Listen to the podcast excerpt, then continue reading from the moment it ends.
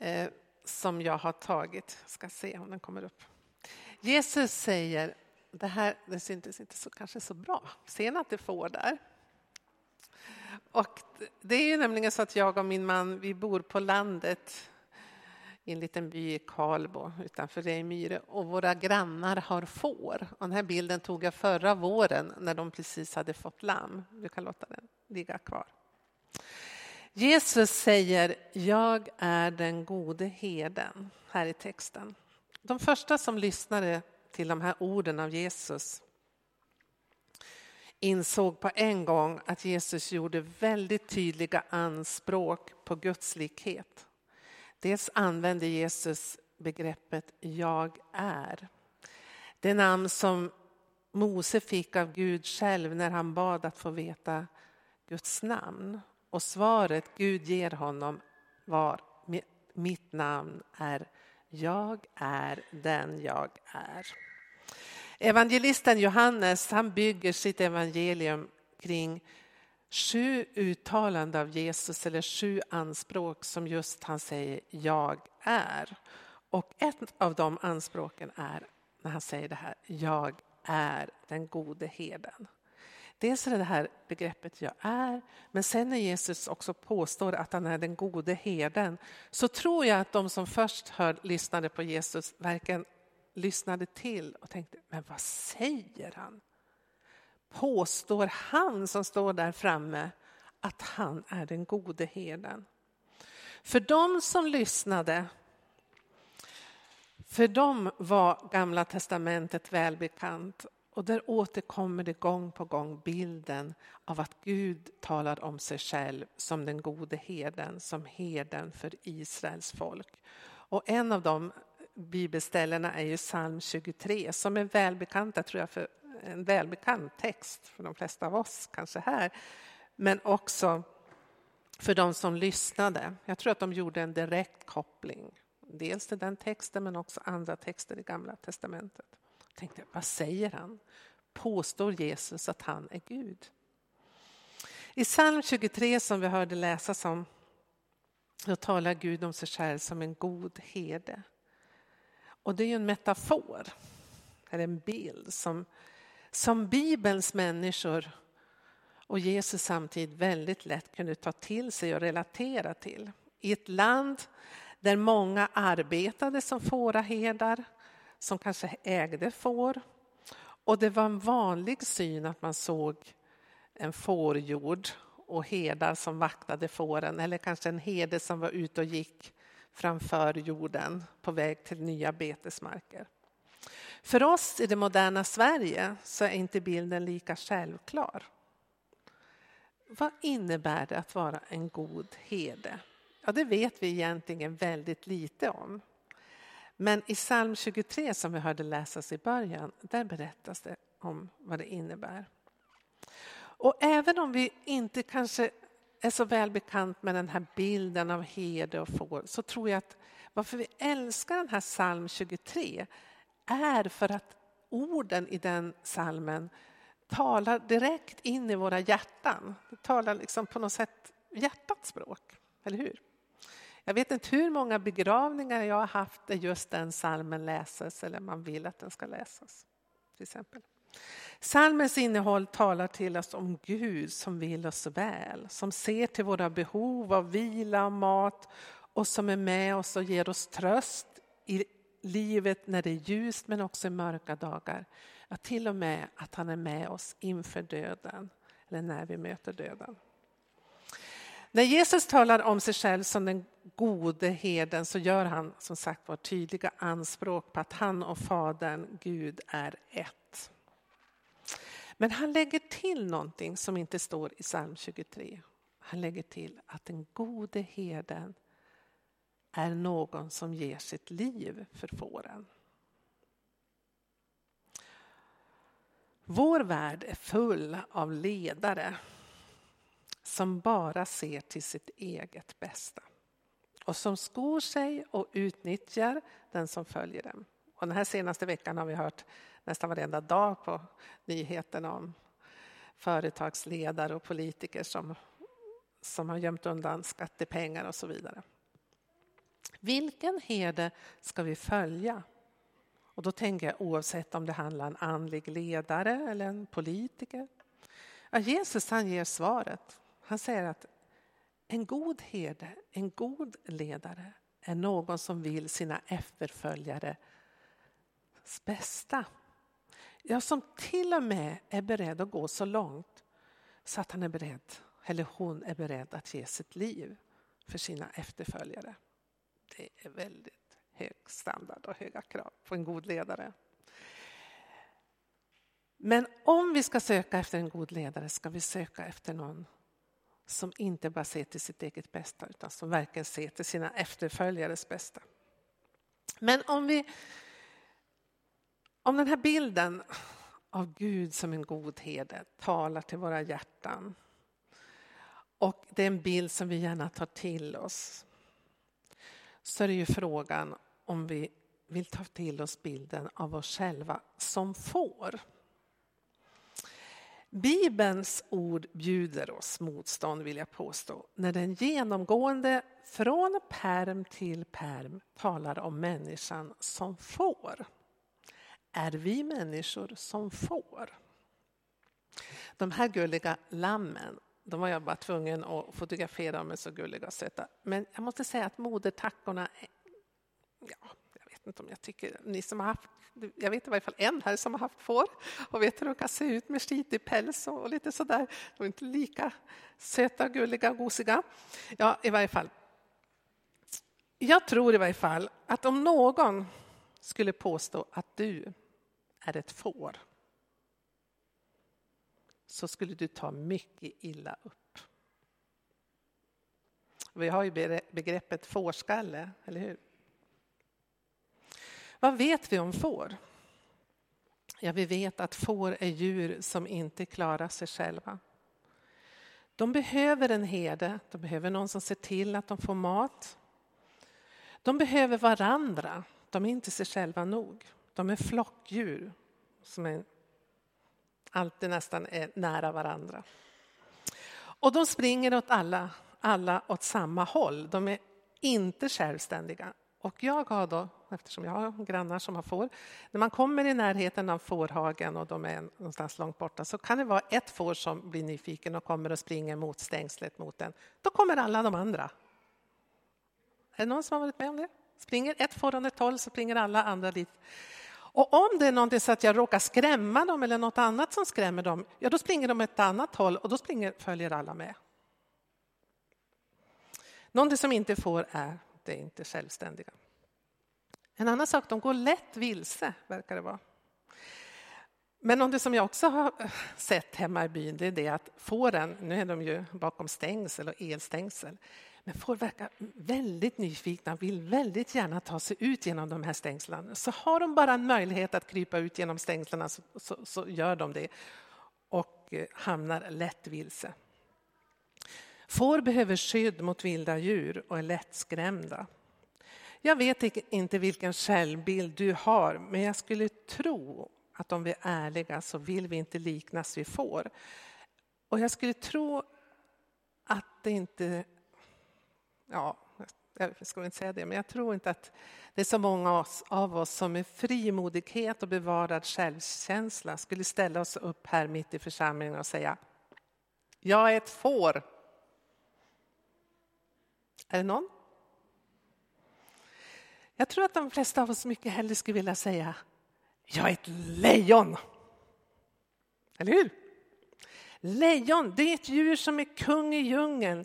Ett självständigt djur som klarar sig att skaffa mat på egen hand, som klar, verkligen klarar av att försvara sig och som står för styrka och självständighet och oberoende och som inte behöver beskydd av någon herde. Ett lejon är sin egen herre. Och att se sig själv som ett lejon passar nog bättre in för den postmoderna eller moderna människan. Och då är det intressant att detta är ett budskap som man i den så kallade nya andligheten, eller new age, har tagit fasta på. Man hämtar där det mesta av sin inspiration från österländska religioner och filosofier. och som just påstår att vi enskilda människor behöver komma till insikt om att vi inte är får, som vi ofta tror, utan att vi är lejon.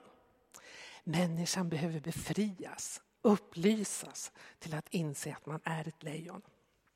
Denna lära går bland annat tillbaka till en av hinduismens heliga böcker, Bhagavad Gita, som undervisade om detta under rubriken Yes, I am a lion. Om du går in på Google och googlar lite grann på ordet Yes, I am a lion. Ja, jag är ett lejon. Så då kan du hamna på en av sidorna i den här heliga boken, Bhagavad Gita, som undervisar om det. Du kan också hamna till olika musikgrupper som har skrivit låtar på det här temat. Jag hamnade bland annat på en hårdgrupp sajt liksom, där de sjöng Yes, I am a lion med ni hör hårdrocksmusiken i bakgrunden. Det var jättehäftigt. Ja. Jag läste lite i Bhagavad Gita och kom fram till det här avsnittet. Och nu översätter jag, det är min egen översättning direkt från engelskan, där det står så här, Bhagavad Gita, hinduismen. Vi människor, underförstått, tänker att vi är får. Men så kan vi vid någon tidpunkt i livet börja känna så här. Jag är inte tillfredsställd med mitt liv. Vad händer då? Efter en tid så kanske vi plötsligt ser ett lejon som ger oss upplysning. Och när man läser sammanhanget så förstår man att det här lejonet som ger upplysning, det är en andlig vishetslärare. Som har. Och denne säger så här. Du är Gud. Du är energi. Du är medvetande. Alltså, du är inte ett får, du är ett lejon. Och det jag också såg när jag googlade, det och det vet jag också sen förut, att idag kan du åka på olika kurser, föreläsningar i många olika sammanhang och höra föreläsare som just vill peppa dig till att inse att du är ett lejon. Med en enorm inre styrka och kraft. Ja, djupast sett att du själv är Gud. Precis som Eva Dahlgren sjunger i en av sina sånger. Jag är Gud, jag är Gud. Jag tror att det helt klart kan vara upplyftande och att vara på en hårdrockskonsert där man sjunger kanske tusentals människor. Yes, I am a lion!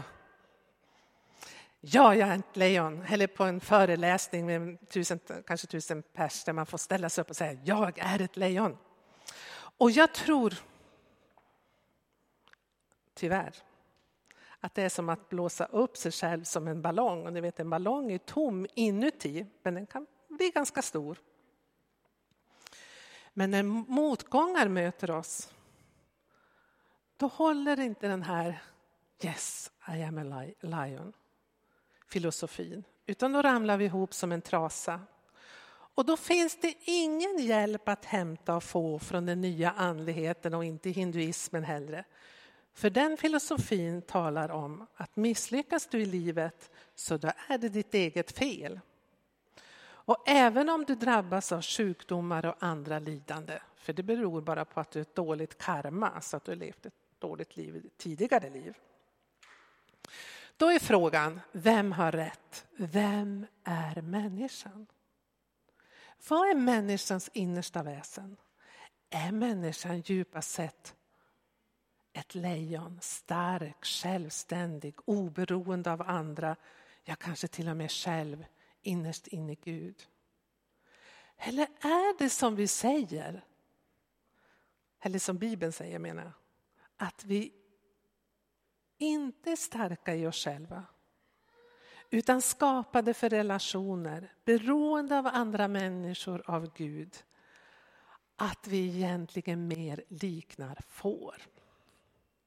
Att ensam inte är stark och att vi inte alls är så självständiga som vi tror, utan mycket lättledda som människor.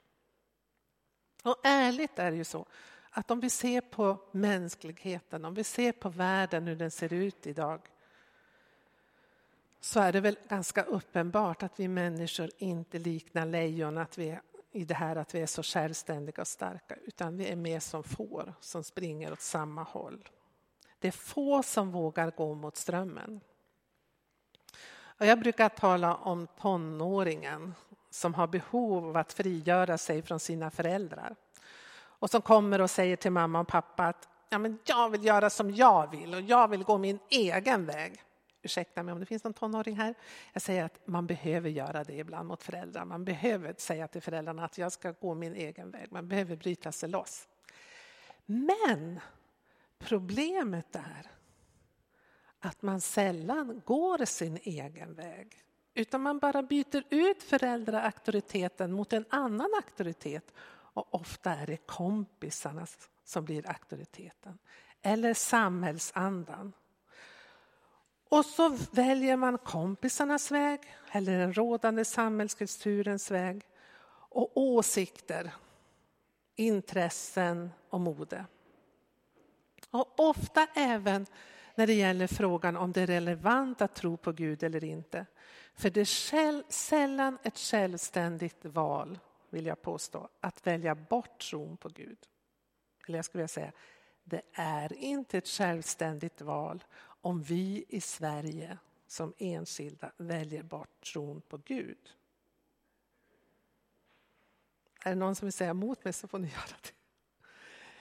Däremot är det ett mycket självständigt val att ställa sig upp och säga jag tror att Jesus Kristus är Guds son, att Jesus visat åt vägen till Gud. För när vi gör det, då går vi mot strömmen. Då följer vi inte massan, då springer vi inte åt samma håll som alla andra. Är ni med? Men det är svårt att gå sin egen väg och därför och gå mot strömmen. Därför behöver vi varandra som en kristen gemenskap. Det påstås att vi lever i världens mest sekulariserade land där vi hyllar självständighet och oberoende. Men någonting som förundrar mig är det att vi har en väldigt stark kändiskult. Den frodas väldigt starkt i vårt land eller i västerlandet överhuvudtaget. Och jag tycker att det är väldigt uppenbart att om människan väljer bort att tillbe Gud som har skapat världen, då dröjer det inte länge förrän man istället börjar tillbe eller följa något annat eller följa någon annan för Gud. När jag ser människor stå och skrika i tusental därför att något svenskt landslag har kommit hem och vunnit silver eller brons eller guld och de är fullständigt i gasen och hyllar de här fotbollsstjärnorna eller handbollsstjärnorna. Då ser jag det som ett tecken på att vi människor djupast sett är skapade för att tillbe någon eller något som är större än oss själva. Det kommer i uttryck på de här eh, musikfesterna när man står i tusental och hyllar sina eh, popidoler eller, eller på idrottsarenor och så vidare. Håller ni med mig? Eller? Kan ni se att det finns en, en skillnad? När vi inte har Gud att tillbe som är större än oss själva så börjar vi rikta blickarna mot något annat och följa något annat. Det ligger i vårt mänskliga väsen. I veckan lärde jag mig ett nytt ord, jag visste inte att det fanns. Ordet youtubers. Jag såg på nyheterna man intervjuade tioåringar vad de ville bli. Ja, antingen ville de bli fotbollsproffs eller musikstjärnor eller också ville de bli youtubers. Och en youtuber är en person som lägger ut filmklipp av sig själv på Youtube och berättar om sitt liv, vad man äter och vad man tycker om för kläder och vad man har för åsikter. Och så kan andra följa den personen varenda dag. Och vissa youtubers, kända, har följare kanske på flera hundratusen eller flera miljoner som följer dem varje dag. Och som tar efter deras livsstil, deras åsikter, deras tänkande och så vidare. Och tioåringar i Sverige drömmer om att bli den där Youtuben som andra ska följa. Då är frågan till, som jag vill ställa till dig. Vem följer du? För någon följer du. Vi är inte så självständiga som vi tror. Vi går sällan vår egen väg. Vi tänker sällan våra egna tankar utan det mesta vi tänker och tror vi har kommit på själva är sånt som vi har hört någon annan säga. Vem följer du? Finns det människor i din omgivning på nätet, i massmedia, eller kompisar, eller vänner, eller politiker eller vad som är som har börjat få ett för stort inflytande i ditt liv och som inte är värd din hyllning. För vem är en god herde? Det första steget till ett mer sant och ärligt liv tror jag är att vi vågar inse att vi inte är lejon utan att vi är får som Bibeln talar om. Och att vi behöver en god herde att följa. Att ensam inte är stark. Och vi behöver lära oss de tre viktiga orden tack, hjälp och förlåt. Jag och min man brukar påminna varandra om det. Tack, hjälp och förlåt. Det behöver vi säga till Gud. Tack Gud för livet. Hjälp mig att leva rätt. Och förlåt mig för det jag gör fel. Och vi behöver öva på det i relationer till varandra. Tack för att du finns. Jag behöver din hjälp. Och förlåt mig att jag inte alltid klarar av att leva och göra det som är rätt. Vi är som får, vi behöver varandra och vi behöver en herde. Det är det viktiga. Men för att kunna verkligen vilja följa Gud så måste vi också ta till oss detta att Jesus säger att han är den gode herden. Att Gud vill oss väl. Jesus säger i vers 10, precis innan mm, versen jag läste här, att tjuven kommer för att stjäla och slakta och döda. Jag har kommit för att ni ska ha liv och liv är övernog. Gud är inte en glädjedödande Gud, utan Gud är en Gud som vill att vi ska ha glädje. Att vi ska känna oss älskade, att vi ska kunna älska och ge kärlek och ta emot kärlek. Gud vill oss väl och Gud vill oss gott. En av de tidiga ökenfäderna definierade synd så här. Synd är att misstro Guds godhet. Synd är att misstro Guds godhet. Och jag tror att väldigt mycket handlar just om det här att när vi inte tror att Gud vill oss väl, då väljer vi bort Gud i våra liv. Eller då väljer vi bort de råd, den vägledning som han ger. Vi måste tro att han vill oss väl för att vi ska vilja följa honom. Vem är Gud? Gud är den som älskade världen så högt så att han sände sin enda son. Denna värld som är så trasig, som är så fylld av ondska, våld, förtryck. Och vi människor som är så ofullkomliga. Visserligen också fantastiska och det finns mycket godhet och fint i världen. Men Gud älskade världen och Gud älskade dig och mig precis som vi är. Så mycket så att han sände sin enda son för att vi skulle få evigt liv. Vad innebär det att bli mer lik Gud?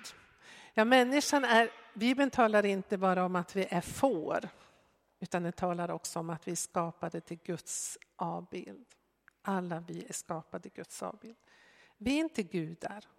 Det finns en enorm skillnad mellan oss och Gud. Men vi är skapade till att vara Guds avbild och det är stort i nog. Den här avbilden kan vara trasig. Den kan vara liksom ha gått sönder, men den kan helas igen och vi kan växa som människor och bli mer och mer lik Gud i relation till honom. För det är bara relationen som vi kan bli mer lik Gud. Och vad innebär det att bli mer lik Gud? Ja, det innebär att älska mer. Och nu ska jag sluta med ett citat. I tisdagens Dagen så var det en artikel. Eh, Kristina eh, Halldorf som är legitimerad psykoterapeut och familjerådgivare. Hon har en spalt som återkommer i dagen. Och I tisdagens dagen så var det ett, ett ungt par som ställde en fråga. Och rubriken var Måste man vara kristen och perfekt? Och Kristina Halldorf gav ett sånt fantastiskt svar. Ni, vet, så, ja, ni som är småföräldrar kan väl känna det att man orkar inte med alla måsten och kraven. Och, och så ska man vara en god kristen också, en god förälder och en god makamor. Och, ja, det är väldigt många måsten. Och då svarar Kristina så fint så här. Hon säger så. Det finns egentligen inget annat vi måste som kristna underförstått än att älska. Älska Gud och själva och varandra. Älska Gud och själva varandra. Så sant, men så svårt. För det är just det som är så svårt. Att älska som Gud. Och därför behöver vi säga till Gud, tack Gud för att du älskar mig. Hjälp mig att älska och förlåt mig när jag misslyckas. Vi är inte lejon utan får. Och vi behöver goda relationer med våra medmänniskor, med Gud och vi behöver god vägledning av en god herde. Låt oss be. Herre, jag ber att för oss var och en. Du känner oss, du vet var vi befinner oss i livet, vad vi tänker om livet och våra egna liv. Herre, jag ber att vi ska kunna öppna våra hjärtan mot dig och se att du är en god herde som vill oss väl, som vill leda oss på rätta vägar. Låt oss se vår svaghet men också den styrka vi har i dig. Jag ber om det. I Jesu namn. Amen.